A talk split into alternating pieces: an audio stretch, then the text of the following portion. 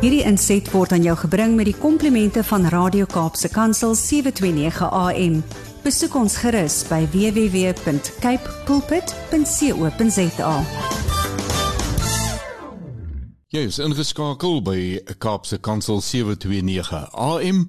Dit is Saterdagoggend net na 7 en jy luister na Landbou Landskap. Hartlike goeiemôre van my Willem van Jaarsveld. Jou gasheer elke Saterdag op hierdie sender tussen 7 en 8. En ons is dankbaar vir julle wat luister op 729 AM, 729 MW, maar ook natuurlik wêreldwyd op die internet kan jy met ons die program deel.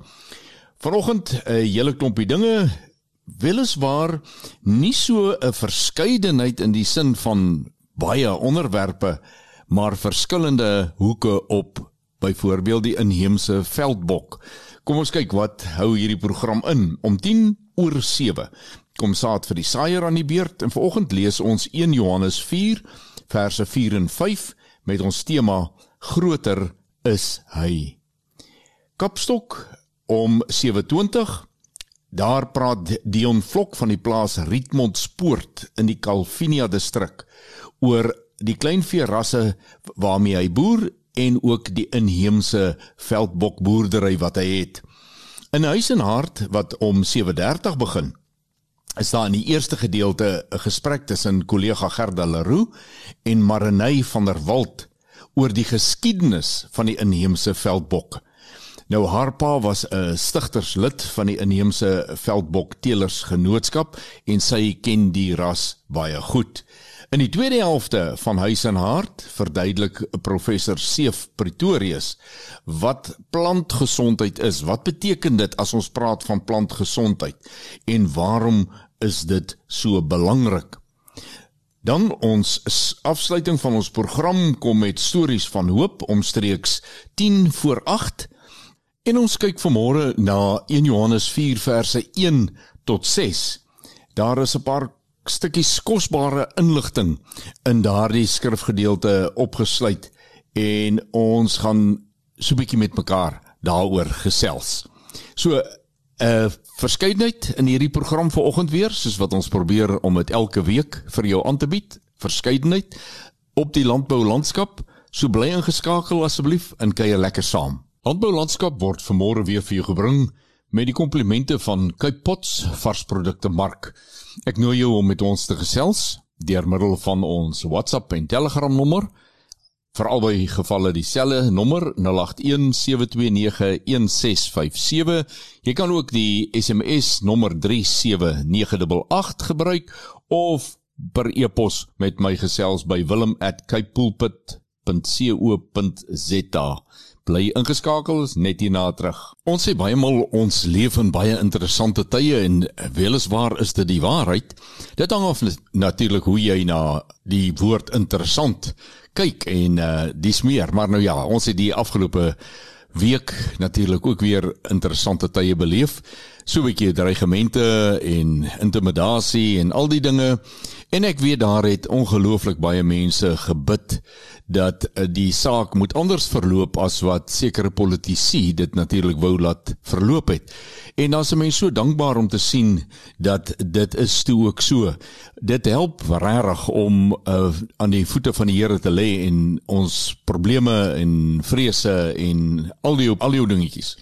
Alles wat ons nie meer self kan regkom nie vir hom te gee. En vanmôre in saad vir die saaier 1 Johannes 4 vers 4 gee ons so 'n bietjie lig ook op hierdie onderwerp. Dit is nou tyd vir saad vir die saaier en ons tema vir oggend groter is hy en die skrifgedeelte 1 Johannes 4 vers 4 en vers 5 lees as volg: Julle is uit God, my kinders, en het hulle oorwin, omdat hy wat in julle is groter is as hy wat in die wêreld is. Hulle is uit die wêreld, daarom praat hulle uit die wêreld en die wêreld luister na hulle. Nou hierdie is 'n lering van Jesus Christus self. Dis nie die woorde van Johannes nie. En wat dit so indrukwekkend maak is as jy dit in die konteks van die voorafgaande verse lees, dan sien jy dat Jesus verwys daar Nou, wat is die voorwaardes en uh, vir iemand om te kan sê dat hy wat in my is is groter as hy wat in die wêreld is. En die wonderlike hiervan is dat dit 'n belofte is wat staan tot vandag toe. Dit is nog net so waar vandag as wat dit in daardie tyd was. Want niks het nog verander. Nie God of Jesus het verander nie en ook nie die feite wat Jesus in sy leringe genoem het nie. Dit het ons die afgelope tyd ook weer gesien dat daar is geeste aan die werk in die wêreld wat nie uit God gebore is nie. Geeste wat regtig waar uh dit wat hy vir orde gestel het, wil verongeluk en wanorde saai.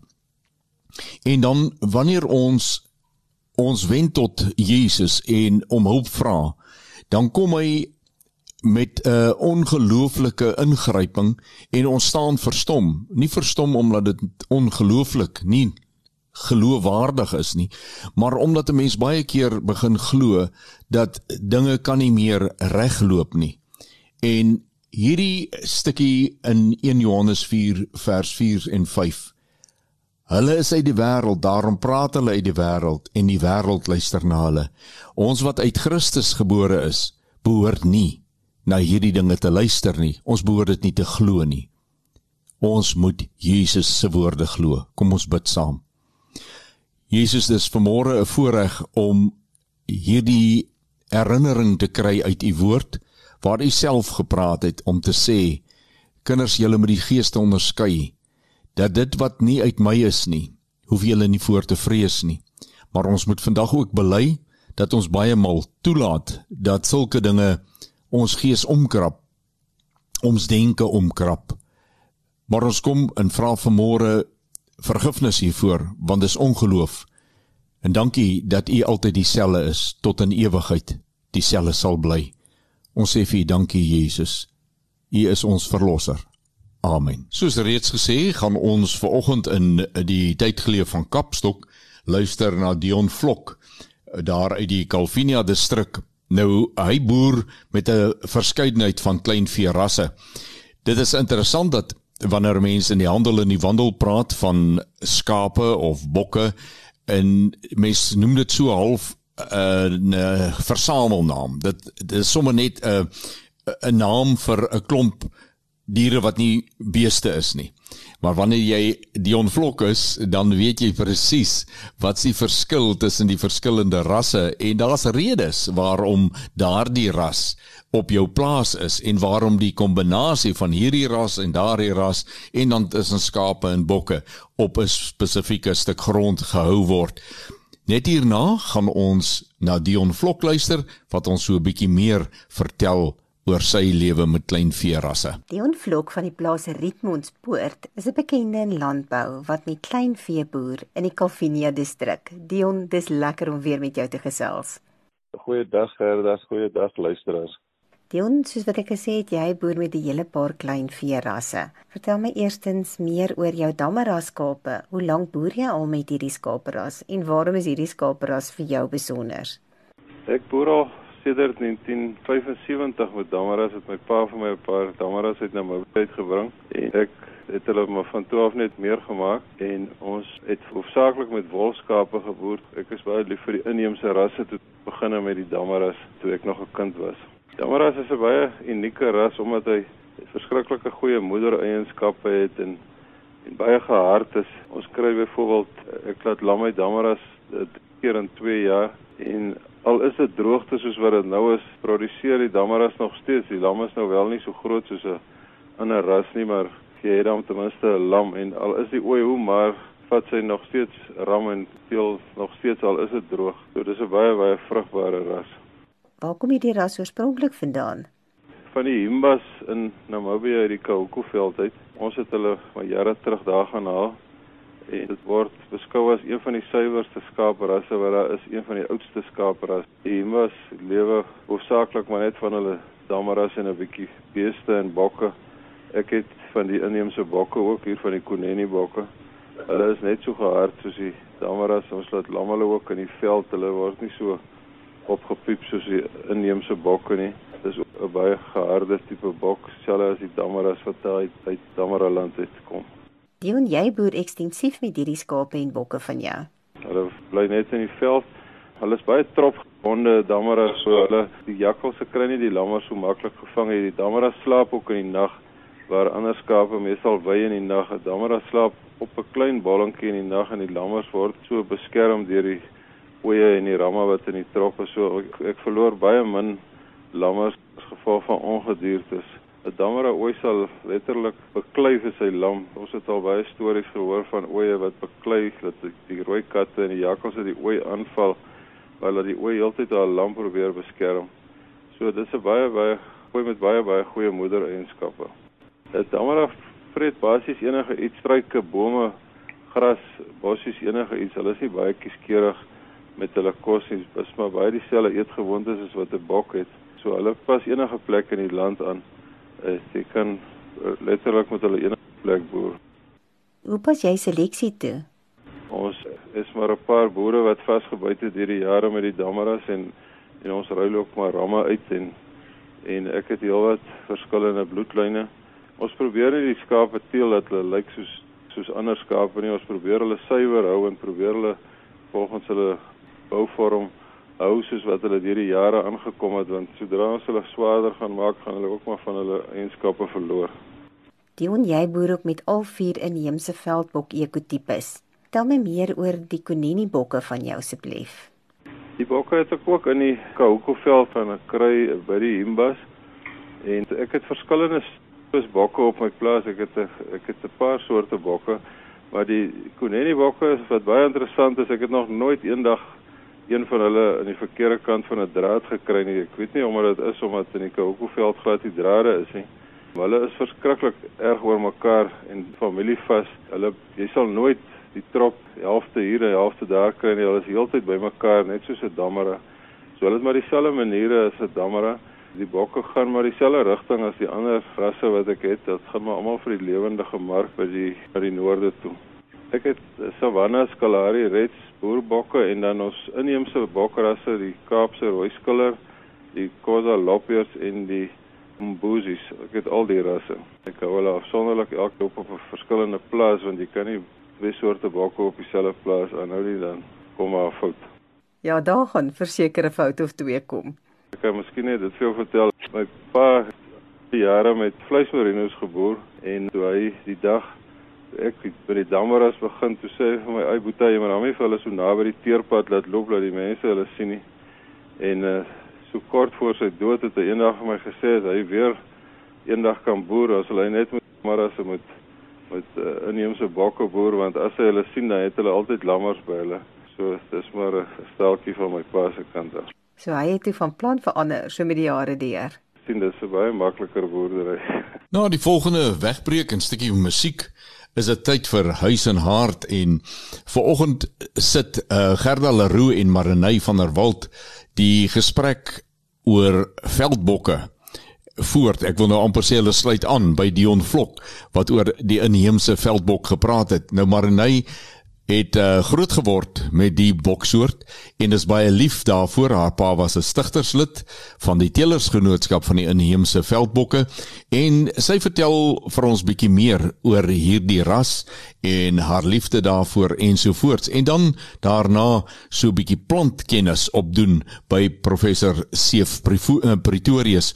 Nou uh, professor Pretorius is 'n man wat kyk na plantgesondheid en die diep redes daarvoor en waarna jy moet jy kyk en wat moet jy daaruit aflei en dis meer net hierna in huis en hart. Marenay van der Walt van die Gelykfontein inheemse veldbokke boer in die Oos-Kaap reg langs die Gariepdam. Marenay weer eens hartlik welkom op ons program. Goeiedag Gerda. Marenay die inheemse veldbokke bestaan uit 4 ekotipes.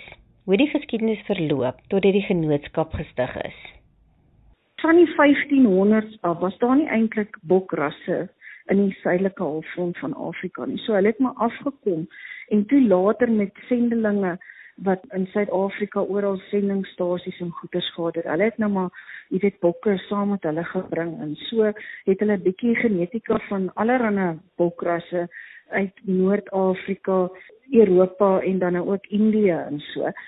En destyds toe hulle nou begin om hierdie ding aan die gang te sit, het hulle begin om genetiese toetse te doen. Hulle het baie nou saam met prof Campbell en prof Michiel Skols gewerk. So hulle het by van die teelers bloed DNA monsters geneem wat hulle laat ontleed het sodat jy kan sien uit watter area die diere uit oorsprong. Maar besef hulle in die kusgebiede en ook dan in die noorde soos Limpopo en Noord-Natal en hier onder teen Transkei kry jy baie van die Mbuzi of Nguni ekotipe. Dis die kleinste een van al die bokke, kleinste raambokkie.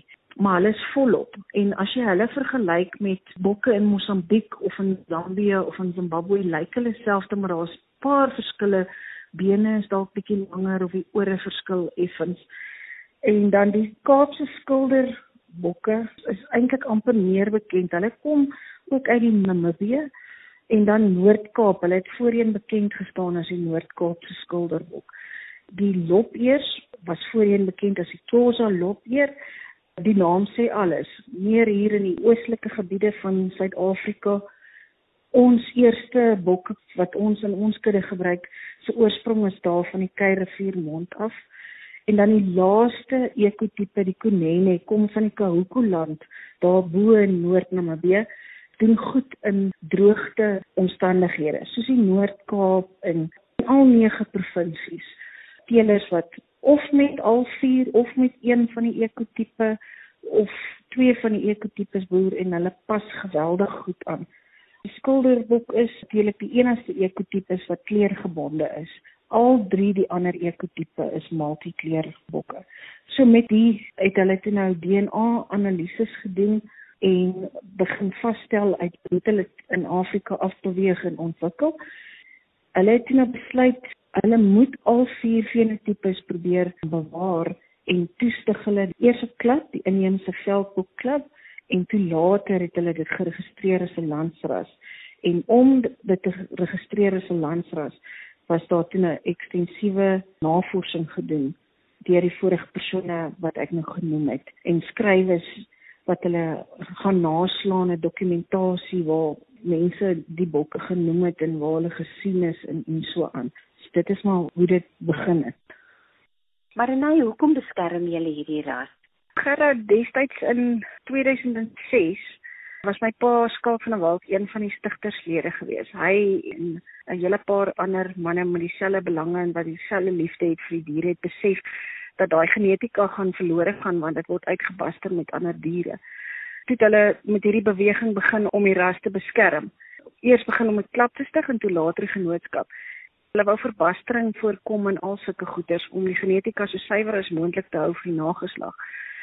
Een van die goed wat my pa altyd sê is 'n boer boer met wat vir hom werk op sy plaas of dit nou met enige ras is. So ons sal nooit 'n ander ras afkraak nie want elkeen boer met wat vir hom werk op sy plaas en wat hy voel vir hom die moeite werd is. Die rede van die ras is, is om hulle funksionele eienskappe te probeer behou. Want destyds toe almal skoube het, was dit hulle begin om daai funksionele eienskappe by diere weg te teel. Onder andere by die bokke verkies ons die horings moet lank wees want hulle gebruik dit byvoorbeeld om hulle lammers te beskerm teen roofdiere. Hulle gebruik dit om bosluise van hulle lyf af te krap. Hulle gebruik dit om hoog in die takke te ryk want hulle is blaar en grasvreters. So as die omstandighede of die klimaat verander, dan kan hulle oorskakel na blare of gras. So hulle is glad nie selektiewe eters nie. Dis onder andere een van die fasette. En daai goeders is weg omdat hulle mooi bokke verskoue wou teel ander besondere eienskap is onder andere in die winter maak hulle 'n dons onder hulle hare en dit beskerm hulle teen siektes soos pastorella, longontsteking. So dis alles natuurlike funksionele eienskappe soos wat hulle deur die jare en dekades aangepas het in ons klimaat in Afrika. Ons almal weet Afrika is nie 'n maklike plek, is 'n mooi plek om te lewe, maar dis nie 'n maklike plek om te lewe. Dis wild. Jy weet hulle moes teen allerlei roofdiere beklei vir oorlewing en, en daai eienskappe is op die ou einde van die dag amper weggeteel by ander rasse omdat almal skoubehef was. Daarom is ons lese by die genootskap do not spoil, breed or transform them out of existence. En dit is 'n lese wat altyd vir my so mooi is as ek dit hoor, want dit slaan die spyker absoluut op die kop en dit is die rede hoekom ons met hulle kan boer in ekstensiewe omstandighede. Hulle floreer natuurlik daarin, maar ons het teelers wat met hulle in klein opset. Hulle het nie toegang tot groot areas om met hulle te boer nie en hulle boer suksesvol met hulle bedaal. Laas jaar het ons lidmaatskap op 50 lede gestaan. Van toe af tot nou het ons ledetal na 100 toe gegroei. So ons ledetal het met 100% gegroei. Net omdat mense begin sien het wat hierdie eienskappe van hierdie bokke is en hoe aanpasbaar en gehard hulle is in enige klimaatomstandighede in Suid-Afrika. Marinay, en dan hou julle ook julle nasionale inheemse veldbok veiling hier in Maart. Het jy 'n inligting oor hierdie dag? Ja, ons is baie opgewonde. Die verkopers, die genootskap, almal wat daarbey betrokke is, Dis die 11de Maart by Bloemfontein Skou by die BKB Kleinvee Kompleks.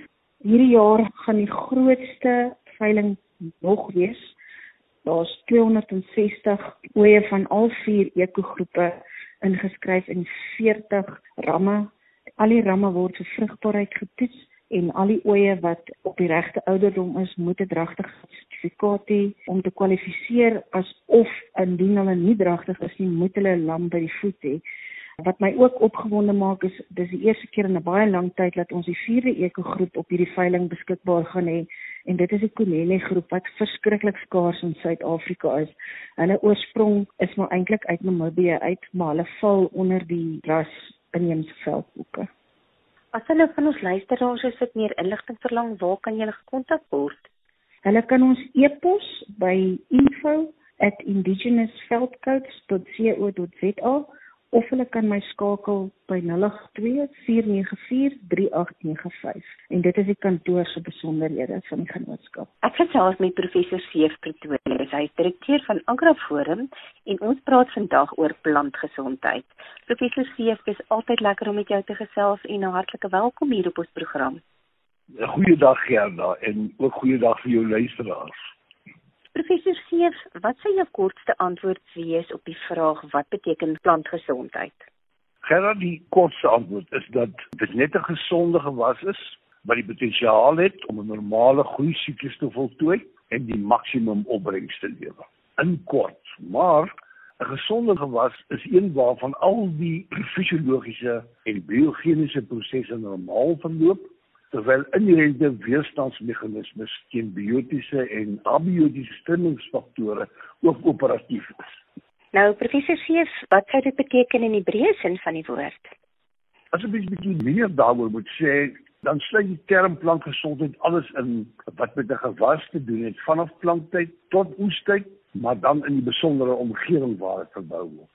In spite van die feit dat die landbougewasse die inherente of genetiese vermoë besit om in 'n mate weerstand te bied teen negatiewe stemmingsfaktore in hulle omgewing, bly hulle afhanklik van die korrekte toepassing van boerderypraktyke wat insluit bemesting, besproeiing, plaagbeheer en siektebeheer. En die rede hiervoor is dat ons op ons slaaiplaas vir die gewasse wat daar verbou word, 'n kunsmatige ekosisteem geskep het. As jy nou van 'n kunsmatige ekosisteem praat, kan jy vir ons bietjie uitbrei daaroor wat beteken dit?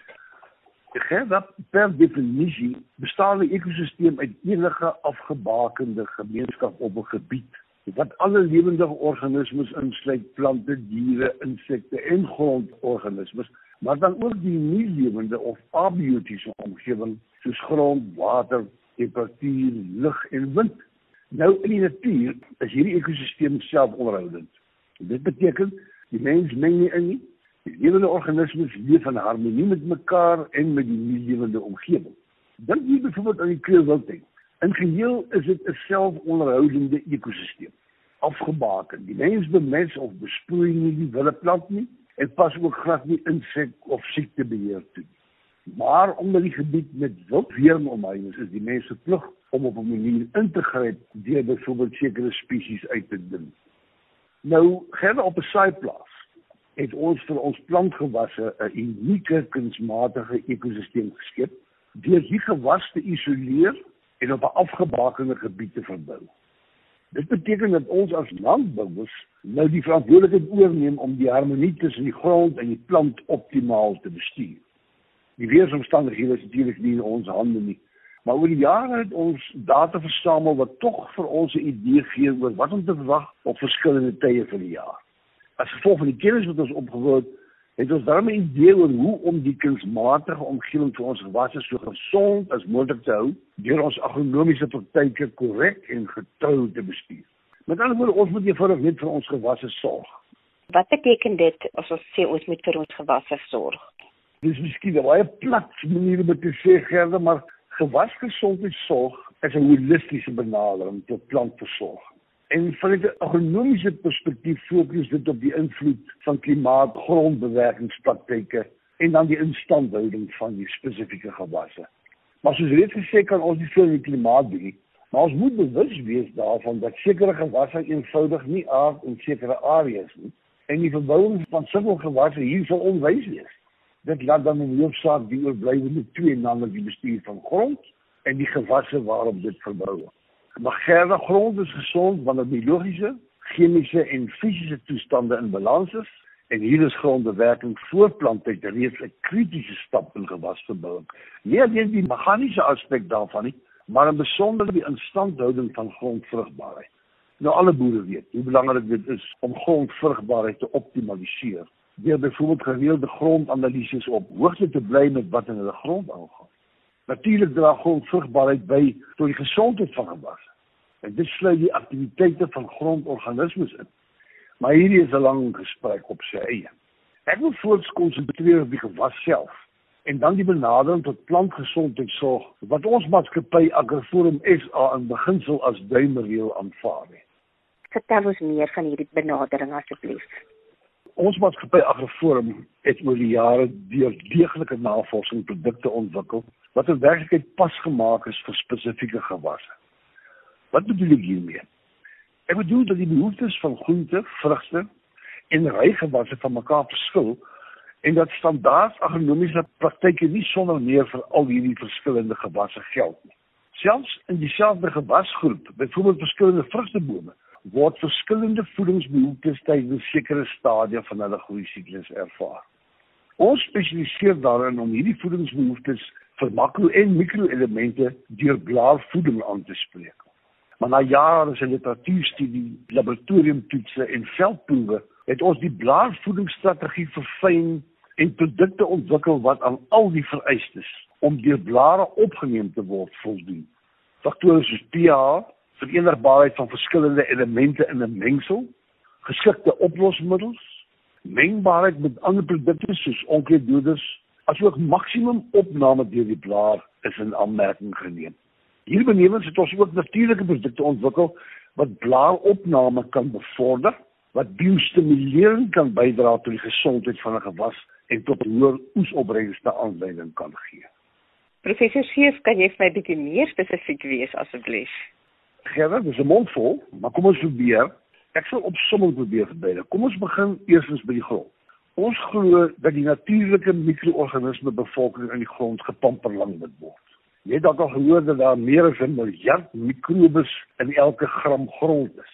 Dit beteken dat daar meer mikrobes in een lepel grond is as wat daar mense in die wêreld is. Grondmikrobes vorm simbiotiese verhoudings met die plante rondom hulle en hulle is betrokke by die afbreek van organiese residue, die neutralisering van potensieel giftige verbindings in grond, die verbetering van wortelgroei, die verbetering van plantmetabolisme en ook die verhoging van 'n plant se toegang tot voedingsstowwe. Dis 'n ongelooflik belangrike rol wat dit speel. Nou ons het produkte wat hierdie mikroorganisme bevolkings in die grond aan die gang hou. Tweedens Dit is pasgemaakte produkte wat deur blaarvoeding die ander organiese behoeftes van verskillende gewasse, dit sluit nou makro en mikroelemente in. Ons spreek dit direk aan deur ook die optimale opname daarvan deur die blare te verseker. En derdens beskik ons oor natuurlike produkte waarmee 'n gewas gestimuleer kan word. Dit begin by saadbehandeling wat kan lei tot verbeterde saadkieming, verbeterde wortelontwikkeling en ook kragtige vegetatiewe groei. Hierbenewens by wyse van addisionele blaarbespuitings bevorder hierdie produkte blomvorming terwyl blomafspeling beperk word. 'n Verdere belangrike aspek is dat ons natuurlike produkte die translokasie van natuurlik geproduseerde suikers vanaf die blaar na die oesbare gedeeltes verhoog. Kollektief lei hierdie manipuleringsaktiewe dan tot meer sade of vrugte of dus verhoogde oesopbrengs. Gerdan is nou 'n lang storie, maar vriendens dra ons natuurlike produkte by tot die verhoging van die inherente vermoë van gewasse om weerstand te bied teen matige biotiese en abiotiese stremmingsfaktore. Hierna word verwys as geïnduseerde weerstand. En dit het verband met die manipulering van die gewasse metabolisme of dan die kompleks van chemiese prosesse. En dit sluit natuurlik fotosintese, selrespirasie, proteïensintese ensovoorts in. Deur te konsentreer op die manipulering van spesifieke ensieme wat hierdie prosesse aandryf, het ons groot mate daarin geslaag om positiewe reaksies met ons produkte in gewasse uit te lok. Ons is na jarelange navorsing oortuig dat ons benadering tot gewasgesondheid en die gebruik van ons produkte 'n groot bydrae tot voedselsekerheid in Suid-Afrika en die wêreld kan maak. 'n Gesonde gewas kan groei en produseer te midde van omgewingsstres, pla en mededinging as dit die regte hulp op die regte tyd kry. Die landse voedselvoorraad gelda maak staat op voldoende bronne vir gesonde plante en ons wil graag hierby betrokke wees. Professor Scheef, jy het nou gepraat dat jy graag betrokke wil wees by die gesonde gewas se groei en produseerproses te midde van omgewingsstres, pla en mededinging en jy gee die regte hulp op die regte tyd. Nou, waar kan jy gekontak word vir verdere inligting? Gerda, hulle kan ons webtuiste besoek. Dit is www.agraforum.sa.com. Natuurlik ook Facebook by Agraforum SA. Professor Seef, baie dankie vir jou saamgesels vandag en sterkte met julle besigheid. Gerda, tot sins vir jou en dan goed aan al die luisteraars. Dit is nou tyd vir stories van hoop en soos reeds gesê, gaan ons bietjie verder kyk na die verse voor die teksverse wat ons ver oggend in Saad vir die Saaier gebruik het. En steeds kan 'n mens sê die tema uh, groter is hy is hier ook van toepassing Maar kom ons kyk weier na hierdie saak. Dit is sodat ons in 'n tyd leef wat dit op verskeie fronte gebeur dat mense eenvoudig sê maar ek glo dit eenvoudig so. Maak nie saak wat daardie boek, daardie navorsing, daardie persoon, daardie lering, daardie godsdiens ook al sê nie. Ek glo so want ek het die reg om self te besluit oor watter siening ek het, selfs watter siening ek oor myself het en uh waarmee ek assosieer en waarmee ek geassosieer wil word en al die ingewikkeldhede wat daarmee saamgaan in die wêreld vandag. Dis 'n baie algemene ding. Dis 'n ding wat as ek soms so kyk na gebeure hand oor hand toeneem, al hoe meer word, al hoe groter word. Dit raak al 'n ernstiger saak. Daar kom allerlei wette uh in verskeie lande wette om hierdie tipe van ding eintlik nie net te beskerm nie, maar ook aan te moedig. Dis dan nou so 'n groot mensereg dat jy so mag wees en so mag besluit. Maar kom ons lees 1 Johannes 4 vanaf vers 1 en dan vat ons hom so 'n bietjie verder tot min of meer vers 6. Daar staan geliefdes, glo nie elke gees nie, maar stel die geeste op die proef of hulle uit God is. Want baie valse profete het in die wêreld uitgegaan. Hieraan ken julle die gees van God. Elke gees wat bely dat Jesus Christus in die vlees gekom het, is uit God. En elke gees wat nie bely dat Jesus Christus in die vlees gekom het nie, is nie uit God nie. En dit is die gees van die anti-kris waarvan jy gehoor het dat hy kom en hy is nou al in die wêreld. Nou moet ons net bietjie dink. Hier praat Jesus baie baie jare gelede en hy sê hy is nou al aan die werk in die wêreld. Nou wat maak 2023 dan nou anders? Dan sê hy verder: Julle is uit God, my kinders en het hulle oorwin omdat hy wat in julle is groter is as hy wat in die wêreld is. Hulle is uit die wêreld. Daarom praat hulle uit die wêreld en die wêreld luister na hulle. Met ander woorde, almal wat daardie gees aanhang, luister na hulle. Ons is uit God. Hy wat God ken, luister na ons. Hy wat nie uit God is nie, luister nie na ons nie. Hieruit ken ons die gees van die waarheid en die gees van die dwaaling.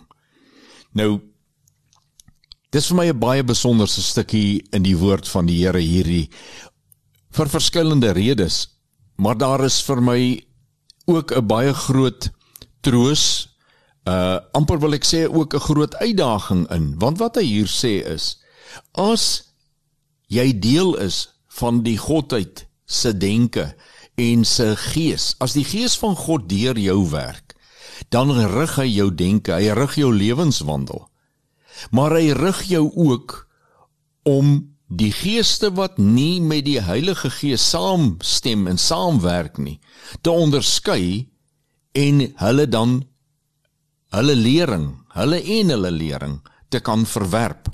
Maar dit kom uit hom. Dit kom nie uit ons nie. Dit kom nie van 'n plek waar ek nou my eie God geword het en ek sal besluit wat is reg en wat is verkeerd? Waar volgens leef ek? Waar volgens uh, leef ek nie en wat verwerp ek? Wat neem ek aan nie? Nee, ons neem aan dit wat uit God is, dit wat met sy gees saamstem. Ek praat van wedergebore kinders van die Here. Dit neem jy aan, dit wat uit Christus is, dit wat uit God is, dit wat uit die Heilige Gees is. Maar dit wat daar teengetuig, dit wat nie daarmee saamstem nie, dit wat dit nie bely nie, wat nie die egtheid bely dat Christus in die vlees gekom het. Die ge die geeste wat daarmee nie saamstem nie, daarmee stem ons ook nie saam nie. En dis 'n wonderlike voorreg om in hierdie tye te hê. Want daar is so baie situasies waar mense vir jou sê, "Maar hoe kan jy so praat? Hoe kan jy so glo? Dit is tog oudmodies." Kyk die hele wêreld is in 'n nuwe rigting op pad en jy moet daarbey inval. Nee.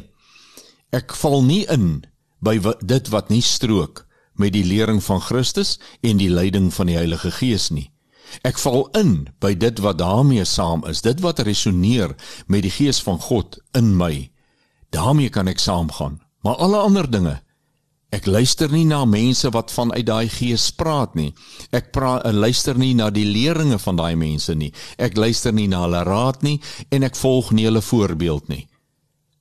Want die uiteinde van dit is die dood. Maar volg ek dit wat die Heilige Gees leer, dit wat hy die voorbeeld gee, soos Christus die voorbeeld was, lei tot die ewige lewe. Kom ons vat moed en ons doen dit. En so kom ons uur van kuier op die laaste Saterdag van Maart 2023 dan op 'n eind. Ek glo dat die res van hierdie dag vir jou 'n baie besonderse wonderlike dag gaan wees en eh, ek hoop ook om jou volgende Saterdag weer as my gas aan die ander kant van die eter te hê wanneer ons gesels oor landbou sake.